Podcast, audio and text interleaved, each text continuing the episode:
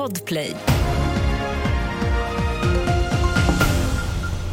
Man död i trafikolycka. Över hundra gripna vid Navalny-manifestationer. Och Trump överklagar miljardböter. Det är rubrikerna där vi börjar med att Ukrainas president Volodymyr Zelensky nu är i München där den årliga säkerhetskonferensen pågår. Där kommenterade han förlusten av den hårt omstridda och sönderbombade staden Avdivka. Unfortunately, keeping Ukraine in the artificial deficit of weapons, particularly in deficit of artillery and long range capabilities, allows Putin to adapt to the current intensity of the war. The self self weakening of democracy over time undermines our joint results. En man i 25-årsåldern har omkommit i en trafikolycka i Alnarp utanför Malmö. Mannen färdades ensam i bilen enligt polisen och olyckan inträffade tidigt i morse. Mannen hade kört av vägen i hög hastighet, krockat med ett träd och voltat, det rapporterar Expressen. Mannen fördes sen till sjukhus men hans liv gick alltså inte att rädda.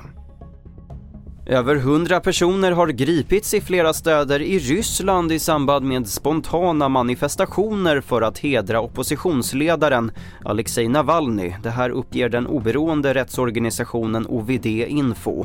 Regimkritikern förklarades död av ryska kriminalvården igår. Han var då placerad på en isolerad straffkoloni i norra Ryssland. USAs tidigare president Donald Trump kommer att överklaga gårdagens dom i New York där han och hans söner dömdes till böter på 3,8 miljarder kronor och får tre års näringsförbud i New York.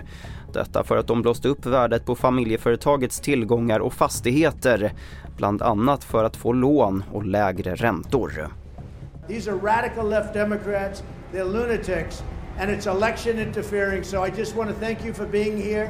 Uh, we'll appeal, we'll be successful, I think, because frankly, if we're not successful, New York State is gone. People are moving out of New York State. I'm beating Biden by a lot. We're beating not only the Republicans, we're beating Biden by a lot. The poll came out today, we're up 20 points on Biden.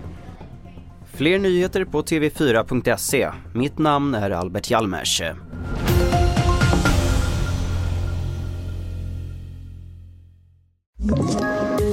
Poddtips från Podplay. I podden Något Kaiko garanterar östgötarna Brutti och jag, Davva, dig en stor dos skratt. Där följer jag pladask för köttätandet igen. Man är lite som en jävla vampyr. Man har fått lite blodsmak och då måste man ha mer. Udda spaningar, fängslande anekdoter och en och annan arg rant. Jag måste ha mitt kaffe på morgonen för annars är jag ingen trevlig människa. Då är du ingen trevlig människa, punkt. Något Kaiko, hör du på Podplay. Därför är gardinerna.